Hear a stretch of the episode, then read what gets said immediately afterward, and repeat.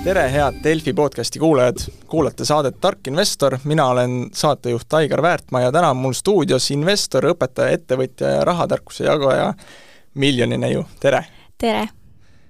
Räägi, laiemale üldsusele oled sa tuntud kui Miljoni Neiu, kuidas Elias sündis? tegelikult seal on päris pikk lugu taga, aga kui lühidalt kokku võtta, siis dividendinvestor Märten Kress pöördus minu poole selle sooviga, et ta tahaks jõuda investeerimise teemadega ka noortemateni ja ta ütles, et mina võiks olla see inimene, kes äh, jagab siis äh, rahatarkust äh, noorele kuulajaskonnale.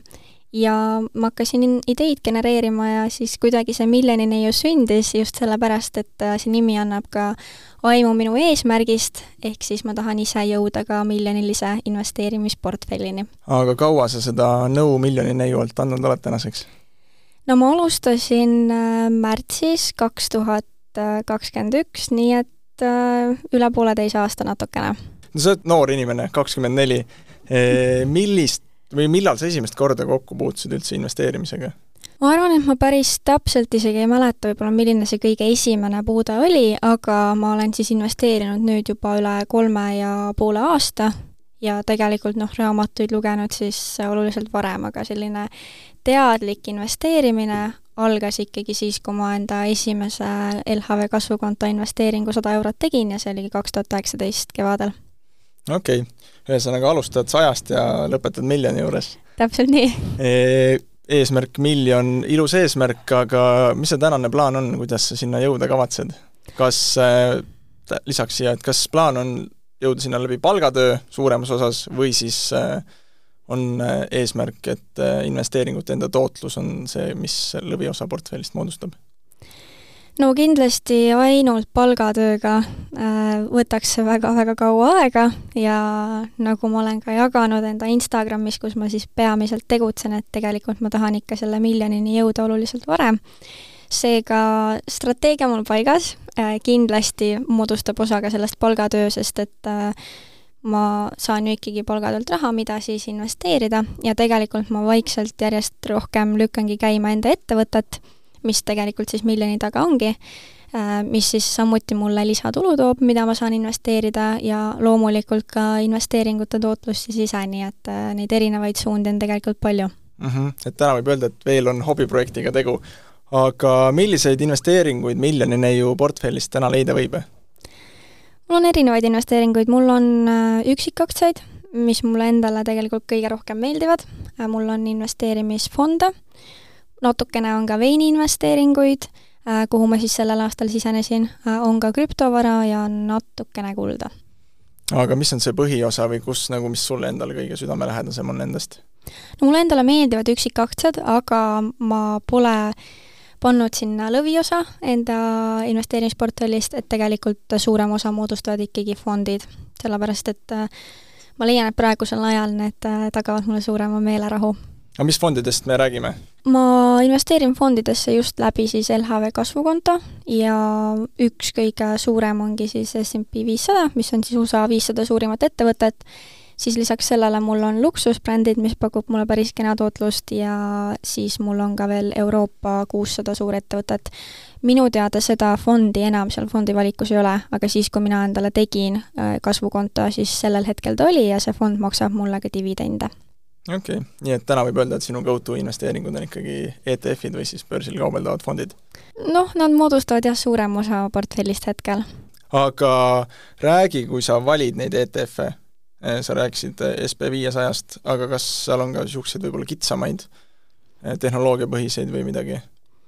no praegu mul ongi need kolm valikut mm, -hmm. kui ma alustasin, mul oli neli valikut, ühe ma müüsin maha ja võtsin siis teise, vahetasin veel midagi vist välja seal vahepeal, ma täpselt isegi enam ei mäleta, igal juhul praegu ma olengi jäänud nende kolme juurde ja noh, siis äh, loomulikult on mul ju olemas teine sammas ja, ja lisaks ole sellele olen teinud ka endale kolmanda samba kui sina vaatad oma investeeringuid ja võib-olla iseennast nii-öelda peeglist, kas sa oled pigem riskialdis inimene või sa lähened asjadele tasa ja targu?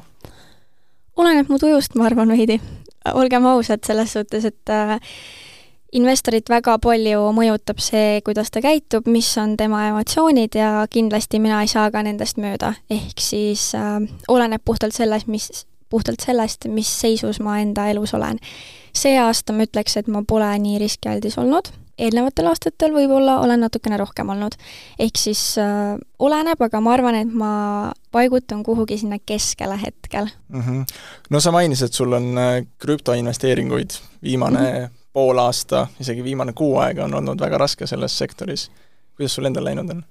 no olgem ausad, miinuses on aga ma ütlen, et, et ei ole hullu, selles suhtes, et ma praegu ei vaata neid miinuseid või noh, vahepeal ikka vaatan, aga need ei mõjuta mind niimoodi, et kuna ma ütlesin ka, et see osa, mis ma olen krüptovarasse pannud enda port-, portfellist, on väga väike, ehk siis äh, kui see ka kõik väärtuse kaotaks, siis okei okay,, las ta siis olla. aga kas sa vaatad krüptoprojekte siis või tokeneid äh, selle pilguga, et need on nagu investeeringud tuleviku tarbeks või sa vaatad neid kui, et need on spekulatsioon, et kuidas lisaraha teenida kiiresti? Pigem ikkagi investeeringud tuleviku tarbeks, et äh, noh, ma olen öelnud ka, et ma väga ei kauple, ma olen üksikuid kauplemistehinguid nagu teinud, aga, aga need valikud, mis ma olen ka praegu krüpto osas teinud, on pigem sellised, et ma olengi valinud suuremaid, et ma ei äh, võta neid pisikesi, et ma, ma ei viitsi nendega riskida, ei viitsi ka nendega tegeleda. aga mis su portfellis siis on? mul ongi praegu Ethereum ja Bitcoin. okei okay., niisugune kaks suurimat ja turvalisemat. jah, täpselt ma ei tea, kas sa Redditit külastad vahepeal? ma olen külastanud vahepeal, aga ma ei ole tihe kasutaja. sattusin äh, lugema, et äh, Eesti Redditis oli arutelu selle osas, et äh, tänapäeva ühiskonnas me oleme jõudnud punkti, kus on nii lihtne raha kulutada. meil on nagu igal pool, kunagi varem pole olnud nii lihtne toitu koju tellida endale, tihti sa tellid endale toitu koju kuna mina elan Kadrinas praegu, siis mul on väga keeruline toitu koju tellida, aga see on väga huvitav, et sa selle just jutuks tõid, sellepärast et äh, ma avastasin üleeile, et ma saan Rakverest tellida sushit kõigest kolme euriga. ja isegi vahepeal Tallinnas tuleb rohkem maksta kohale toomise eest, nii et ma ei tea, võib-olla varsti hakkab Ocean Sushi baari mu raha päris palju minema, aga ma loodan, et äh, mitte. ehk siis ma lihtsalt ei saa hetkel endale eriti koju äh, süüa tellida, aga kui ma olin Tallinnas, siis elasin, siis seda ikka juhtus mm -hmm.. noh, teine asi on see, et äh, üks on toidukoju tellimine, siis sul on need tõukerattad igal pool, kui sa elad Tallinnas või Tartus või Pärnus. Yeah.. mis äh, noh, sa vaatad, et see ei ole niisugune suur kuluartikkel, et sa sõidad see viiskümmend senti, aga kui sa sõidad nagu iga päev viiskümmend senti, siis kuu lõpuks on see nagu suur summa, on ju, ja teine muidugi on, ma ei tea, Aliekspress, ma tean, ma kunagi tellisin sealt endale väga palju, mingi paar tuhat euri panin ühe aastaga sinna magama. et äh, kuidas sina nagu suhtud sellesse, et kas äh,, kas see on hea, et meil on niisugused võimalused või nagu investori vaatest äh, pigem sind häirivad niisugused natukene häirivad, äh, et meil on nii palju võimalusi, äh, just sellepärast, et noh, kui ma elasingi Tallinnas, töötasin õpetajana, ma olin tihtipeale peale tööpäeva nii väsinud, ma lihtsalt ei jaksanud süüa teha siis ma mõtlesin, okei okay,, et ma täna jälle tellin, on ju. aga tegelikult on see, et kuna ma olen enda eelarvega suhteliselt karm, siis see tähendab seda, et kui ma näen, et mul hakkab mingisugune kategooria täis saama, siis, äh, siis ma vaatangi, et okei okay,, ma ei saa rohkem näiteks süüa endale tellida. ehk siis äh, siin on kõik ma ütleks, distsipliini küsimus, et eh, kuidas sa selle kõigega hakkama saad.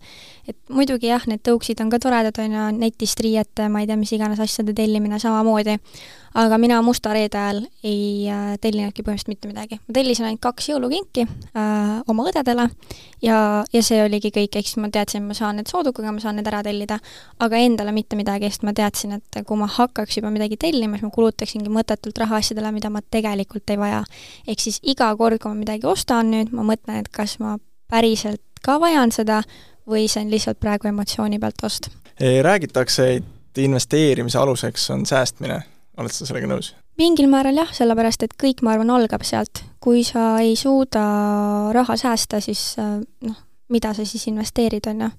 et muidugi mida rohkem sa selles valdkonnas edasi lähed, seda rohkem on ka oluline see, et sa suudaksid enda aktiivseid tulusid suurendada, aga kõik siiski algab säästmisest no mina isiklikult katsun säästa iga kuu kolmkümmend viis kuni nelikümmend viis protsenti oma igakuisest sissetulekust, mis tekitab olukordi, kus kuu lõpus sõbrad kutsuvad kusagile ja sa ütled, sorry, ma ei saa tulla, sellepärast et mul ei ole seda raha enam, et niisama kõrvale panna.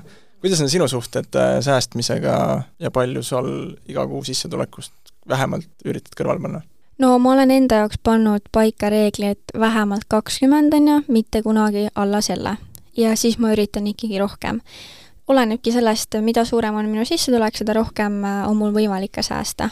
noh, see aasta on mul olnud natukene teistsugune üldsegi, et need, kes on ka Instagramis minu pikaajalised jälgijad, teavad, et alates aprillikuust kuni novembrini ma tegelikult tööl ei käinudki, ehk siis see tähendab, et minu säästumäär oli ka nagu veidi väiksem, aga üldiselt ma tahan jah, ikkagi seda järjest kasvatada ja, ja nüüd ma ikkagi sihin juba sinnapoole, et mul oleks lausa seitsekümmend protsenti. aga on sul mingeid nippe noortele, kes äh, tahaksid säästa, aga ei oska võib-olla alustada kusagilt või kuidas sina nagu pead järge oma säästmisel? no ma arvan, et äh, oluline ongi enda kulud kirja panna. Äh, ma alustasingi sellest, et ma panin alguses lihtsalt kulusid ja tulusid kirja, ma üldse ei teadnudki, mis on eelarve. ja lõpuks siis üks hetk ma hakkasin endale ka eelarvet pidama. aga ma arvan, et äh, mina olen teinud seda aastaid Excelis, nüüd ma avastasin enda jaoks ka Balance äppi, mida ma, millest ma olen rääkinud ka enda jälgijatega, ja ma arvan, et äh, siin ongi oluline see, et sa valiksid endale välja selle mooduse, mis sulle endale kõige paremini sobib. Neid erinevaid äppe on väga palju ja kui sa suudad enda kulusid ja tulusid jälgida, siis on ka juba säästmine lihtsam. ja ma arvan, et oluline on paika panna ka eelarve ja siis nagu sellest kinni pidada sest et äh, kui sa lihtsalt paned kulud ja tulud kirja, siis noh, ma võin ju panna, et ma kulutangi kuus kolmsada eurot Woltile ja Bolt Foodile, on ju, et aga kui sa paned endale piiri, et üle saja sa näiteks kindlasti ei lähe, siis äh, kui sa seda vaatad ja sa näed, et sa hakkad piirile lähenema, siis võiks nagu see mingi tuluke peas põlema minna, et kuule, rohkem nüüd ei kuluta see kuu. kui ma ei eksi, siis ma lugesin äh, Miljon ju lehelt, et äh, investeerimisega alustasid sa kaks tuhat üheksateist. jah sa alustasid siis, kui turud olid ilusad, kõik läks ainult ülesse, aga tänaseks on olnud krahh krahhi järel mm. -hmm. kuidas sa võrdled äh, oma algust ja siis tänast, mis sa sellest õppinud oled? no ma arvan, et neid õppetunde on ka ikka olnud, aga ma olen kõigile öelnud, et ma olen pikaajalise vaatega investor. Ehk siis äh, praegu, kui minu ma ei tea, üksikaktsiad on langenud, see ei morjenda mind, ma ei ole selle pärast kurb või ma ei mõtle, et ma ei oska investeerida, mul on ju endal kõik läbi mõeldud, mul on investeerimisideed kirja pandud endale ja ma tean, miks ma mingisuguse investeeringu teinud olen. ja, ja ma usun ka sellesse ettevõttesse siis, et ta tõuseb. ehk siis äh, mul on olnud nende aastate peale nüüd ainult kaks kahjumlikku tehingut, võib-olla rohkem pole olnud ka sellepärast, et ma pole mingeid asju maha müünud, võib-olla mingi hetk neid tekib siis rohkem, aga ma ütleks äh, jah, et äh, minu jaoks on olnud äh, see äge õppimiskoht ja, ja see praegune kriis on ka see tegelikult, mida ma nagu ootasin, see, mis vahepeal oli, koroonakriis, see oli ainult hetkeline. Ja seda ma kasutasin ka selle jaoks, et endale tegelikult äh, siis investeerimisportfelli varasid juurde osta. samal ajal, kui paljud äh, hakkasid müüma, mõtlesid, et ma ei tea, maailma lõpp on tulemas aga kuidas sellega täna on, sa enne mainisid, et portfell on krüptos vähemalt punane, kas mm -hmm. ka üldvaates on see punane või on üldvaates ei ole punane. üldvaates ei ole punane mm? -mm. kuna ma olen ju pannud pidevalt raha sisse selle üle kolme ja poole aasta, iga kuu kogu aeg investeerinud, ma arvan, et äh, mul on kogu selle aja jooksul võib-olla olnud üks kuu, kus ma pole saanud nagu raha näiteks fondidesse panna. muidu kogu aeg on raha läinud, mis tähendab siis seda, et noh, kui mul oleks praegu see kõik miinuses, siis see tekitaks natukene küsimusi. okei okay., jah, kolm aastat on pikk aeg, see on samamoodi, nagu me vaatame pensionisammaste statistikat, siis tegelikult äh, kõik, kes äh, alustasid äh, enne koroonaaega, siis enamus pensionisambad on kas nullis või on nulli lähedal, et tegelikult pikas vaates investeerides ajutised kriisid või hetkelised kriisid ei, tegelikult ei mõjutagi meid nii palju, kui me võib-olla arvame, et need võiksid meid mõjutada. jaa, no seda ma olen enda jälgijatele ka öelnud, et tegelikult saab ju iga kriis ükskord läbi, kui me vaatame ajalukku, nii et äh, ka see kriis saab ükskord läbi. aga kas sa praegu äh, proovid rohkem võib-olla äkki raha isegi kõrvale panna ja teha nii-öelda suuremaid äh, oste aktsiaturul, kui sa tavaliselt teed või? ma ütleks, et see oleneb äh,, jah, ma üritan, aga see oleneb ka minu jaoks kuust, nagu ma ütlesin, ehk siis see oleneb sellest, kui suur on minu sissetulek, kui minu sissetulek on suurem, siis ma saan rohkem suunata raha. aga kindlasti minu eesmärk praegu on küll võimalikult äh, palju raha just äh, turgudele suunata, sellepärast et äh, on võimalik leida väga soodsaid ostukohti. aga räägime natuke sinu võib-olla mentoritest, ma tean, et Miljon Neiu saab väga hästi läbi Märten Kressiga. kuidas see alguse sai? See sai alguse sellest, et ma läksin koos oma kursusaega üldsegi bachata trenni, läksin tantsima ja ma nägin seal äh, siis treeneri mees, äh, Märten Kress siis oli ka ükskord meil trennis. ma muidu käisin soolo bachatas ehk siis tantsime üksinda, aga ükskord siis treener võttis mehed ka trenni kaasa, et saaks paaris tantsu proovida. ja ma olin samal ajal kirjutamas enda bakalaureusetööd ja ma ei suutnud otsustada, mis võiks olla teema ja ma võtsin julguse kokku läksin Märteni juurde, ütlesin, et küsisin, et mida tema arvab, et mis teemal ma võiksin äh, kirjutada. ta andis mulle natukene mõtteid, kahjuks ma ei saanud kokkuleppele küll äh, enda õppejõududega, see selleks, aga vähemalt ma sain endale siis äh, uue hea tutvuse. ehk sealt ma jäingi lihtsalt Märtenile meelde, et ma olen investeerimisest huvitatud ja mulle meeldib ka õpetada ja, ja siis ta selle idee mulle välja käiski, et äh, tema saab mind õpetada ja mina saan siis äh, seeläbi teisi noori õpetada. mis on need peamised äh, näpunäited, mis Kress sulle siin lähiajal andnud on? ma ei tea, kas ma võin tema näpunäiteid jagada siin äh,. Tegelikult meil ongi just tulemas mentorluse kõne neljapäeval, ehk siis äh, saame natukene strateegiaid läbi rääkida, et vahepeal olin mina reisil, vahepeal olid temal tegemised, ehk siis praegu hiljuti me nagu suhelnud äh, ei olegi nii et äh, jah, mul ei ole praegu näpunäiteid jagada. aga palju ta sulle hoogu juurde andnud on, kas sa oleksid täna selles samas punktis?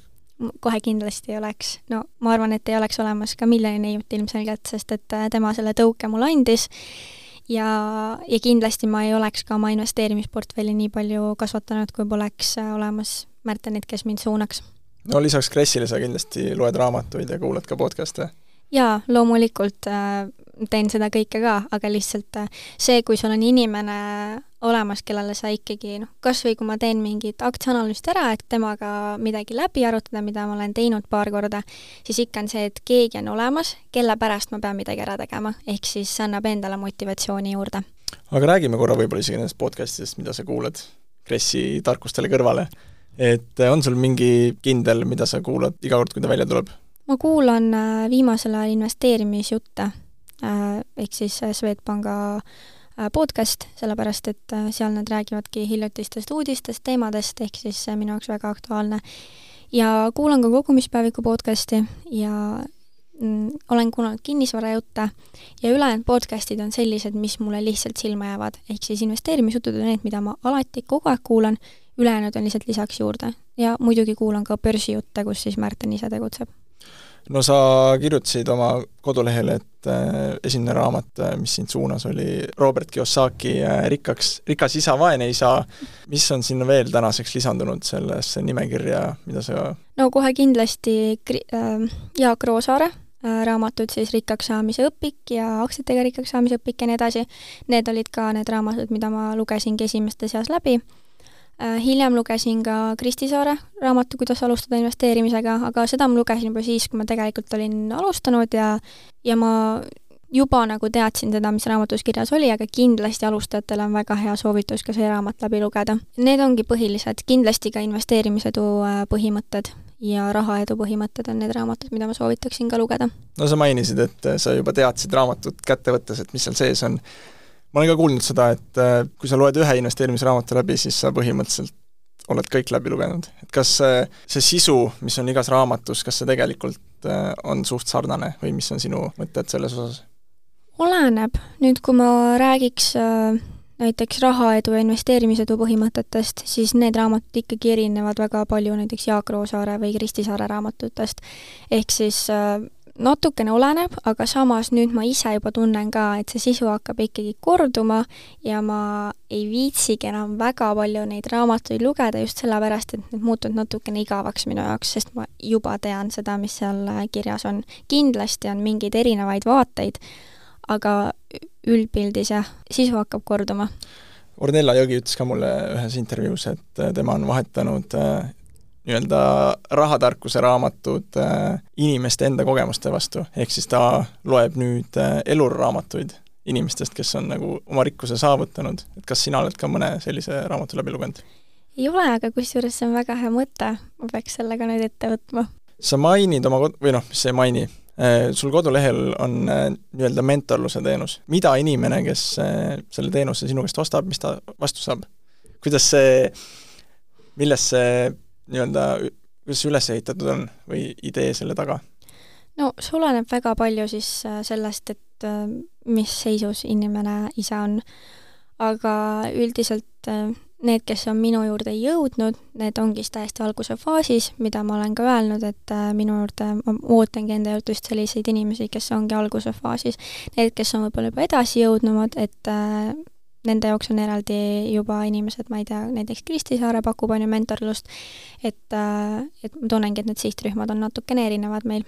aga üldiselt äh, ongi see, et me viskame siis pilgu peale sellele, millised on tulud, millised on kulud ja kust saaks nüüd üldse siis säästma hakata, et mis on need esimesed sammud, äh, mida järgmiseks edasi lugeda, näiteks kas või see, et teha enda pensionisüsteem korda, ehk siis vaadata üle, kus sul on teine sammas, kas sa võiksid avada endale kolmanda samba, igasugused sellised kõige lihtsamad alustamise asjad, ka see, et tuleks hakata koguma meelerahufondi, kuhu seda koguda ja nii edasi, et äh, tõesti nagu väga alguse asjad, lihtsalt panemegi konkreetsed sammud paika.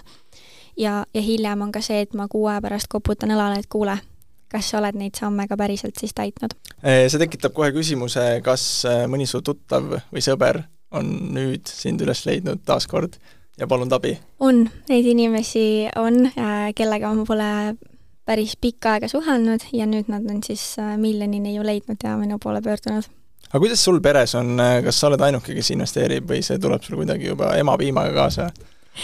Ma olin esimene, kes alustas investeerimisega ja nüüd ma tõmbasin terve oma pere kaasa, ehk siis äh, mõlemad minu õed investeerivad, üks on siis tegelikult alaealine ja palungi siis isal teha tema eest investeeringuid avasin oma emale kolmanda samba ja, ja isa toimetab siis aktiivselt USA börsil. aga mis sa arvad, miks nad varem seda ei teinud, et miks äh, sina pidid olema see ajend, kes neid suunas õiges suunas?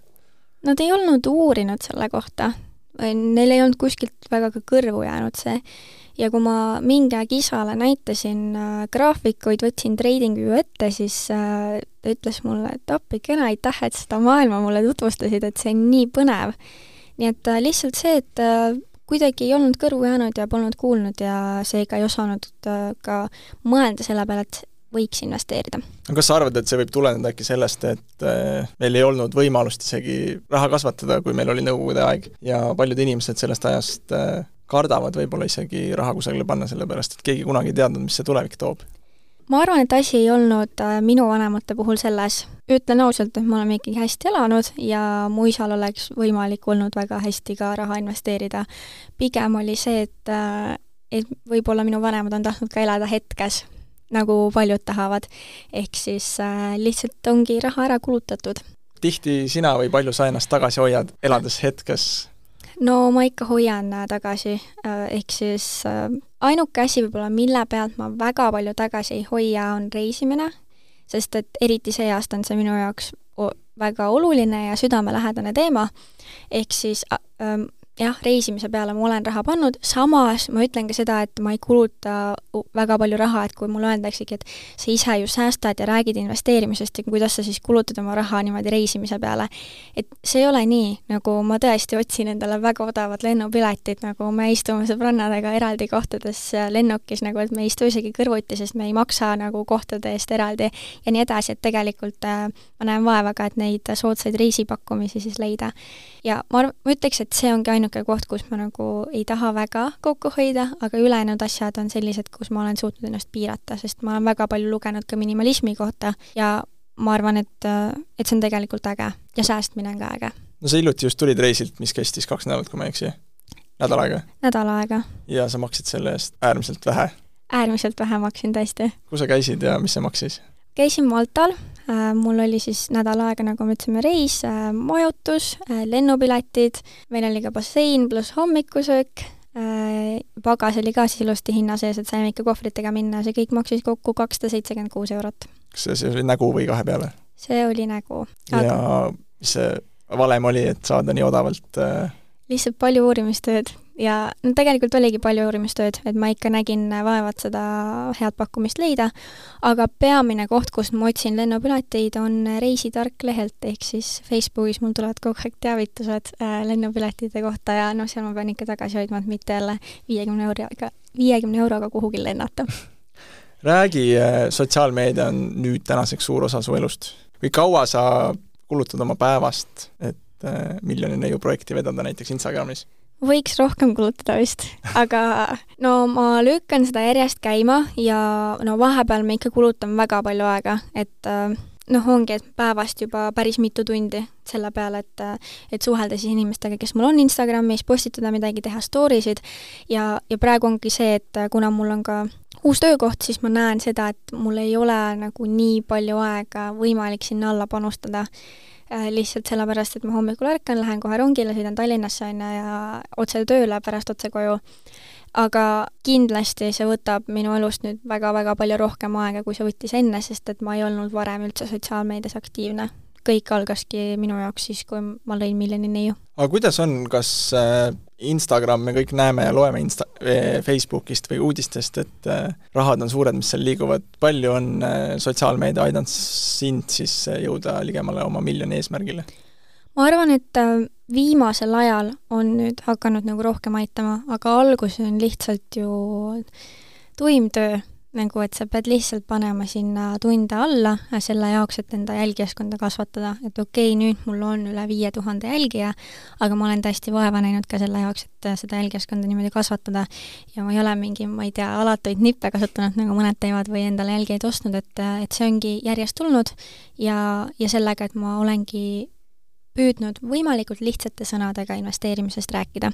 ja noh, alguses teenisin null eurot, nüüd ma teenin lihtsalt tänu sellele, et mul on mõned erinevad koostööd, mida ma ka alati jagan oma jälgijatega, et tegu on koostööga, ja, ja erinevad esinemised, mis tulevad siis läbi selle, et ma tegutsen Instagramis. no ma tean, et sa tegid koostööd äh, Wine Fortune'iga, mis äh, pakub eestlastele võimalust saada osa väärisveinidesse investeerimisest, äh, siis sa oled ka teinud Aufort Goldiga koostööd aga kas sulle pakutakse ka, ma ei tea, reklaamimu kreeme või hambapastasid, selliseid koostöid tuleb ka postkasti, ei tule? ei tule, pole mitte ühtegi tulnud sellist. aga keegi pakuks, kas sa teeksid seda? no ma ei tea, mis kreem või hambapasta see peaks olema, et ma tahaksin miljoni neivalt sellele reklaami teha. et äh, seal ma ikkagi räägin investeerimisest ja ja ma katsungi sinna piiridesse jääda, et äh, minu enda isiklik konto on siis eraldi miljoni neiust aga kui tihti üldse tulevad sulle mingid pakkumised postkasti? nüüd viimase kahe kuu jooksul või kolme kuu jooksul on hakanud päris tihedalt tulema. muidu oli see, et võib-olla tuli, ma ei tea, üks kuus, aga nüüd on nii, et äh, põhimõtteliselt iga päev ma vaatan, et mul on midagi jälle kirjutatud, loomulikult äh, ma ei saagi kõike vastu võtta, lihtsalt sellepärast, et mul ei ole aega või siis äh, mis iganes teistel põhjustel lihtsalt ei sobi see koostöö või ei, ei sobi see esinemise vorm et aga, aga mul on hea meel näha, et, et inimesed näevad, et mina olen vaeva näinud ja et nad ka usaldavad mind siis kas siis tegema koostööd või, või rääkima investeerimise teemadel. ma tean, et sisuloojatel on olnud eriti alustavatel probleeme sellega, et nad ei oska ennast hinnastada. kuidas sina õppisid ennast hinnastama või kas sa täna tead, kas sa küsid õiget hinda või võib-olla võiks isegi rohkem küsida?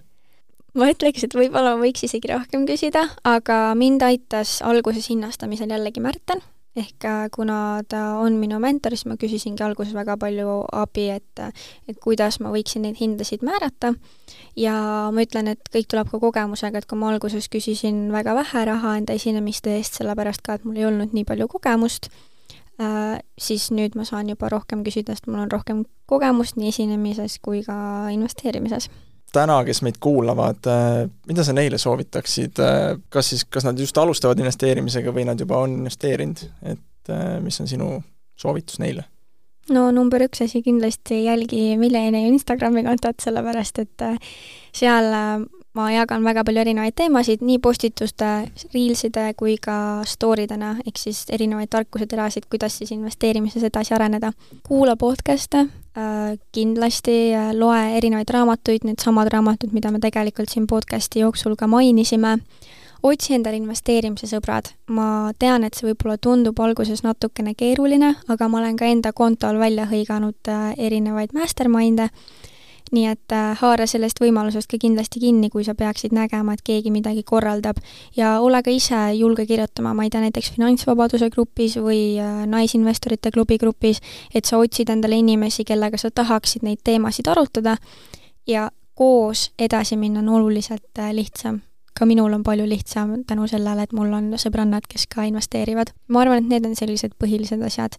ja, ja kui sa midagi ostad, siis mõtle selle peale, et kas sul on seda praegu vaja või sa tahad hoopis selle raha säästa, investeerida ja kunagi tulevikus elada finantsvaba elu aga aitäh, et kuulasite, see oli podcast Tark investor, täna oli meiega stuudios miljoni neiu ja mina olin saatejuht Aigar Väärtmaa. Kuulmiseni!